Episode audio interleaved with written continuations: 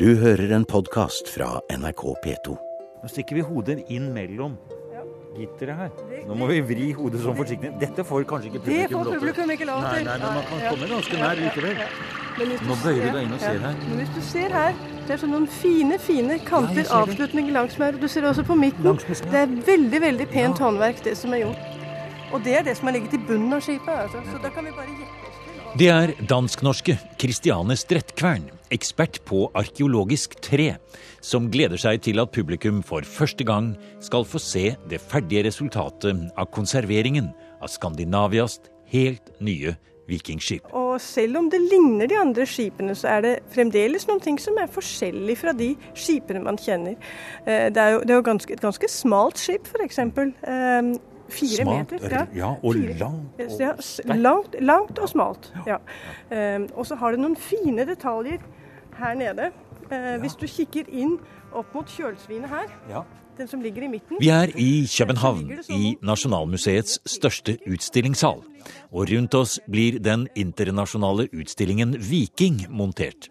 Her får vi se helt nye funn fra vikingtiden, og de beste klassiske gjenstandene fra hele Norden, Russland og Bysants.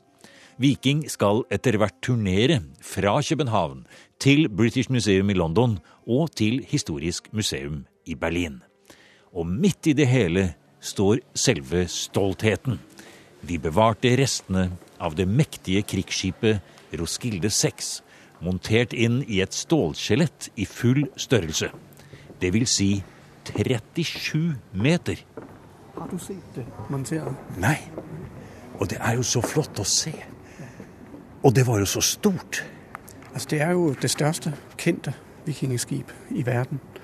Nå er I jo sånn litt godt vant i Norge med vikingskipet, fordi jeres er jo gravfundne, så det er mye mer tilbake av dem enn øh, snitt som det her skip.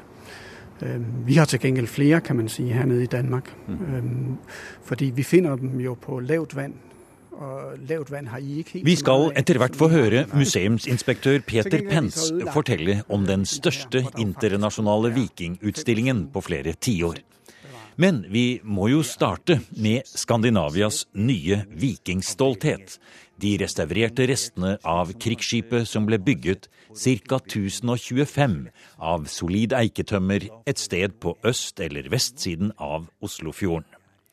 Skipet endte sine dager på stranden innerst i Roskildefjorden, hvor det ble funnet da det danske vikingskipsmuseet skulle utvide i 1997. Og vi snakker om et stort skip. Både Gokstad og Oseberg er rundt 22 meter lange, mens dette måler 37 meter fra stevn til stevn. Det var plass til 100 mann om bord, og det var 39 par årer. Med andre ord en fryktinngytende våpenplattform, skapt for fart og effektiv krigføring. Riktignok er det bare 25% av styrbord side og kjølbordet som er intakt. Men disse bordgangene er så flott innmontert i et fullskala stålskjelett at når publikum nå for første gang kan se skipet gjenreist og presentert på denne måten, så er det som Christiane Strettkvern sier, både vellykket og mektig imponerende. Ja, men det er veldig flott. Og det er jo, det er jo de linjer som man mener har Ja. vært i skipet da det, da det seilte. Ja. Skipet som det står her, det er basert på en eh, vitenskapelig laget rekonstruksjon av det originale skip. Så rekonstruksjonen er basert på det funn vi har fra, fra 96-97. Det er utrolig flott. Og vi ser her vi står nå, Kristianne, så kom, står vi i den ene enden, og der ser vi den voldsomt lange kjølstokken som de jo dere har konservert og brukt så mye tid. Den er brukket noen steder, men vi ser hvor lang den er. Den strekker seg vel kanskje ikke i hele skipets lengde, men den, men den er lang, altså. Altså Fra ende til annen så er den altså Det vi har funnet, er 32 meter kjøl. Ja. Men for å få hele forløpet opp til stevnen, så er man nødt til å legge litt ekstra, fordi den kan jo ikke bare reise seg med, med, med 90 graders vinkel. Du er nødt til å gi den en form for krumning. Og når du tar den krumningen med den nødvendige krumningen som skal til for at skipet kan seile, så blir det 37 meter fra stevn til stevn. Ja, fantastisk. Jeg må si det, jo, gjorde, det gjør altså et voldsomt sterkt inntrykk når vi står her og ser denne store fasongen. Eh, det gir en, en veldig sterk opplevelse av, av skipet. Ja, og det har det faktisk gjort hele tiden. Altså Fra vi begynte å lage denne rekonstruksjonen. Bare det å sette soklene opp i bunnen, de bærende soklene, og så sette dem opp for ekke og se, og se ja, men jøss, det starter i den enden her. Og vi er ikke ferdig ennå. Det fortsetter hele veien ned i den andre enden av rommet. Eh, det har hele tiden vært sånn en mavepusteropplevelse hver gang vi har liksom bygd videre på det. Så det har vært spennende å se det vokse i full lengde. Det var faktisk veldig spennende å få det gamle, tusen år gamle puslespillet, tredimensjonale puslespillet til å passe i den store, ganske stive konstruksjonen vi har. For er nødt, den er jo nødt til å være stiv, for ellers ellers så ligger treet ustabilt. Så den er helt stram i sin oppbygning, mens treet fremdeles har sin organiske karakter og sitt liv som det viser frem i skipet. Kristiane Strettkvern er en av verdens ledende eksperter på konservering av arkeologisk tre, og var med på å fraråde flytting av de norske vikingskipene. Det er nesten litt ironisk å tenke på at de som skulle utføre konserveringen av de norske skipene, i sin tid reiste nettopp til København for å lære. Men teknikken man bruker i dag, er naturligvis en helt annen enn den man brukte på Oseberg og Gokstad, sier Christiane Strettkvern. Altså Det vi har gjort, er at vi har impregnert det med noe som heter PG2000, som er en vannoppløselig voks. Det fine med den, akkurat den PG-en her, det er at den er fast, altså den er solid ved romtemperatur. Og den er veldig stabil i forhold til skifte, skifte i relativ luftfuktighet f.eks. Og den er en av de mest stabile PG-er man har. Så det er et godt impregneringsmiddel vi har valgt. Og så har vi valgt å frysetørre, som også er en veldig sikker måte å tørre på. Fordi at man, eh, man unngår veldig mange tørreskader områder, så man især bevarer overflaten. Og Det er noen av de ting som vi syns er viktig med det her, at treet bevarer sin karakter som tre, altså overflaten. At du har, kan se huggspor, at du kan se de spor etter forfedrene i overflaten. Det har vært veldig viktig for oss å bevare den karakteren. Og man kunne jo kanskje være redd for at med bare 25 av eh, det intakte, så ville man ikke få følelsen av at man står og ser et, nær sagt et nytt vikingskip. Eh, jeg skal ikke nå si Kristiania, at det er et nytt norsk vikingskip, selv om det er bygd av tømmer fra Oslofjorden. Eh, men på en måte så er det jo i hvert fall slik at eh, det er i den familie av vikingskip som vi kjenner, og som vil kanskje da bli enda mer kjent etter hvert, nå som det skal seile videre til London og Berlin. Det håper vi, og jeg ser det som et, som et skandinavisk skip. Ja. Altså et, altså det, er, det, er, både norsk og dansk i sine røtter. Eh, og det, det, er jo veldig fint at, at, vi faktisk har kunnet bygge videre på den i, uh, i hele det vi viser frem nå. Ja, men det er et, et norskbygget skip i en danskbygget uh, rekonstruksjon. Men vi vet jo også at det har vært en tur forbi uh, de, de, baltiske landene underveis og blitt reparert i tror det var i 1037 eller der omkring at det har, at det har blitt reparert på, på seilturen. Og vi vet jo heller ikke om skipet er bygget for eh, den danske konge, eller om det er erobret, om det har vært brukt på hvilken side, det vet vi ikke. Men er ikke det også litt interessant og spennende at vi ikke vet akkurat det? Så kan det forbli skandinavisk, som du sier. Jo, ja, men Det syns jeg er helt fint, og jeg har ikke bruk for å ha en eller annen presis plassering på det. fordi det er, altså, det er jo en felles kulturarv som vi har sammen, eh, og det er jo, det er jo spennende.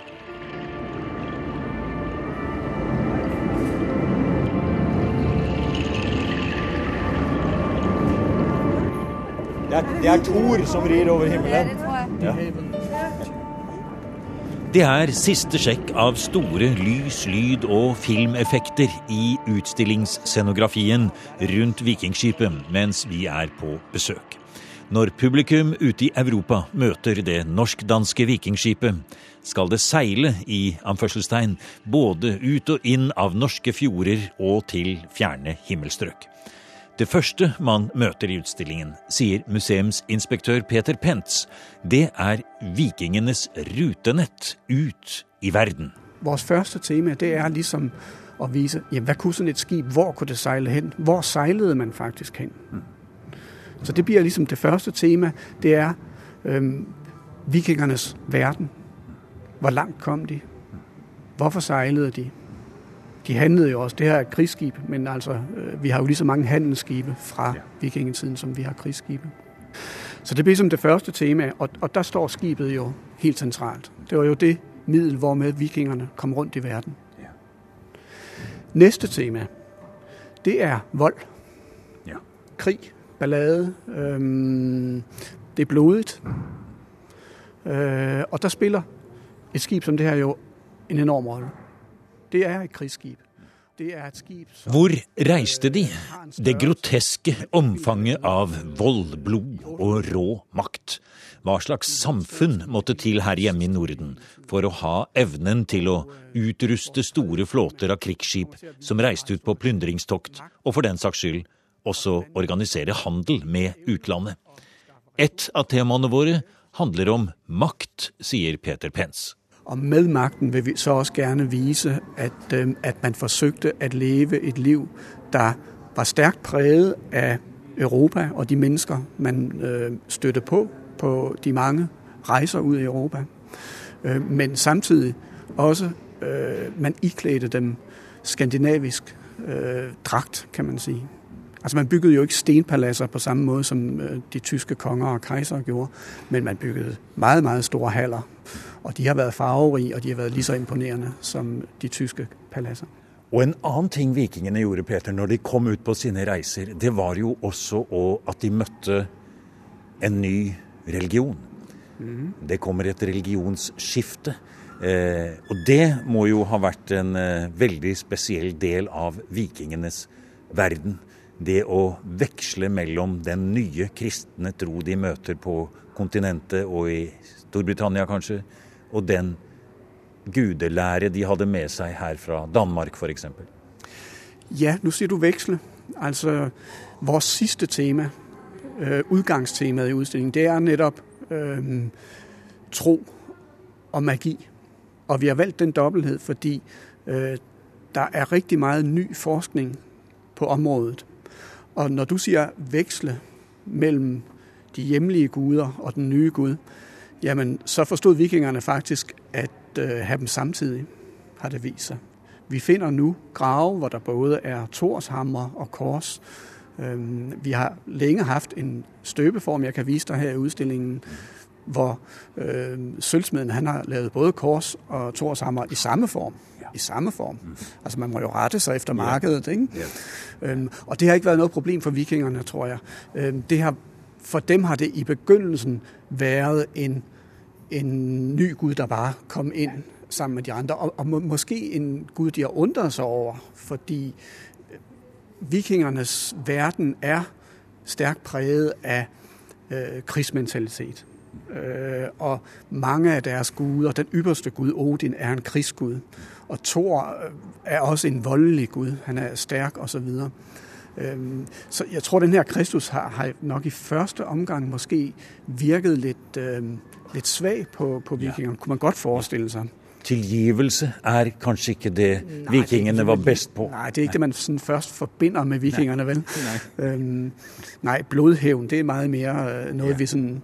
Og, så, så det budskap som, som kristendommen er kommet med, og som i siste ende jo øh, vant, kan man sige, er måske vikingetidens vigtigste bidrag til den skandinaviske historie. Fordi det har jo ændret vores mentalitet 100 procent. Altså, jeg arbejder jo en del med vikingerne, selvklart, selv klart, øh, og jeg må jo sige, jeg synes jo ikke altid, at, øh, at deres værdier er nogen, jeg kan øh, føle et fællesskab med. og det skyldes jo, at jeg er et produkt af det, det som skete i slutningen af vikingetiden, hvor de kristne værdier vant ind. Og det var jo så også Skandinaviens integrasjon i Europa, øh, vi taler om her. Skandinavias integrasjon i Europa.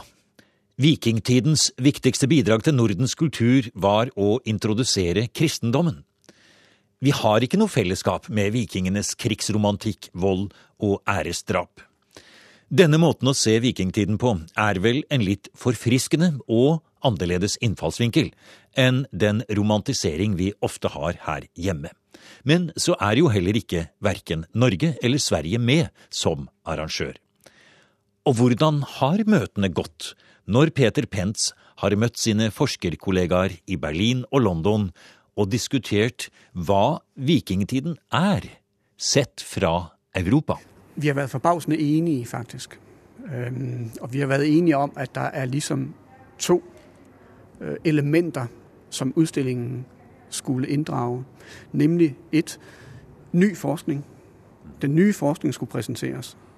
Og det er faktisk sådan, at vi har ikke haft en stor vikingeudstilling her på Nationalmuseet i København siden 1992. Så det er rigtig mange år siden. Og der er kommet meget ny forskning til. Ikke mindst, som jeg sagde, på området med tro og magi. Det andet element, som vi også var enige om skulle med, det er, at vi vil dels vise nogle enkelte klassikere. Vi låner for eksempel nogle rigtig fine ting fra Oslo. Ja. Hva er det? Jamen det er en guldspor fra, fra Werner Kloster. Ja. Ja. Og, og det bliver selvfølgelig et af, af uh, the highlights uh, Ja. i den her udstilling. Men det er også en klassiker. Det er set før. Ja. Uh, det, det er det jo. Uh, I hvert fald blandt folk, der beskæftiger sig med, med vikingerne. Men i den forbindelse kunne jeg jo godt tænke mig lige at vise dig et nyt fund. Ja, flott.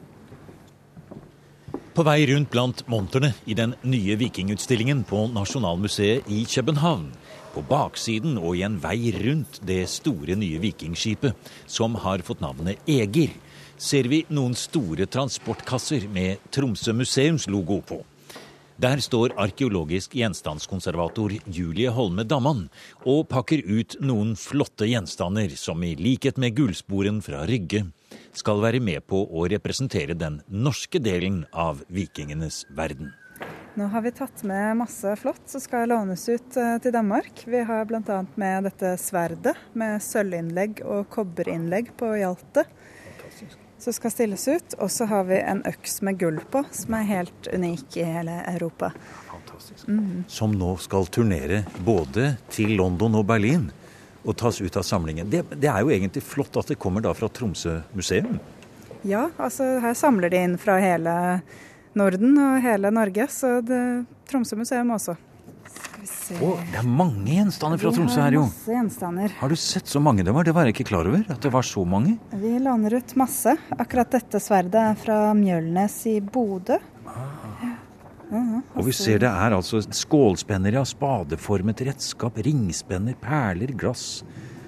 Utrolig. Det er mange gjenstander. Ja, det er veldig mange gjenstander. Vi har også en eh, ringspenne fra Bodø, som er en del av Rønviksgaten fra Bodø, som også skal stilles ut her. En stor sølvspenne, over 40 cm lang. Så det er en svær kar som har hatt på seg den. Den er også på utlån her. Så det blir veldig flott å vise fram og stønne rundt og virkelig få vist fram i, til Europa omtrent, når det går til England og Tyskland. Og. Og når det gjelder skatter, så kommer også deler av den legendariske Whale of York-skatten, som ble funnet i 2007, nedgravd ved en liten elv noen mil øst for York. Dette er første gang den vises utenfor de britiske øyer. Fra British Museum kommer også noen av de berømte sjakkbrikkene fra Louis på Hebridene. For øvrig den som viser en viking utskåret i hvalrosstann som biter seg nervøst i kanten på skjoldet. Jamen, Museum har selvfølgelig som øh, partner i utstillingen vært ganske gavmilde, og det spenner faktisk bredt, hva de øh, kommer med. Øh, det gælder for eksempel elfenbensarbeid i den ene enden, kan man si. og i den anden enden så kommer de med øh, angelsaksiske ting, øh, ganske naturligt. Vores partner i Berlin har været den store bidragyder med øh, ting fra Østbaltikum og fra det russiske område. Men British Museum, hvis jeg lige må vende tilbage til dem, så, øh, er det jo sådan, at det er jo et verdensmuseum, og de, øh, de har samlinger fra Norge, for eksempel gode vikingefund fra Norge. Øhm, og det har de jo bidraget med også. Ja. Så, der, så hvis man som nordmand kommer ned og ser nogle fund, man ikke lige har, kan genkende fra et museum i Norge, så er det fordi, det er lånt fra London. oh, se her.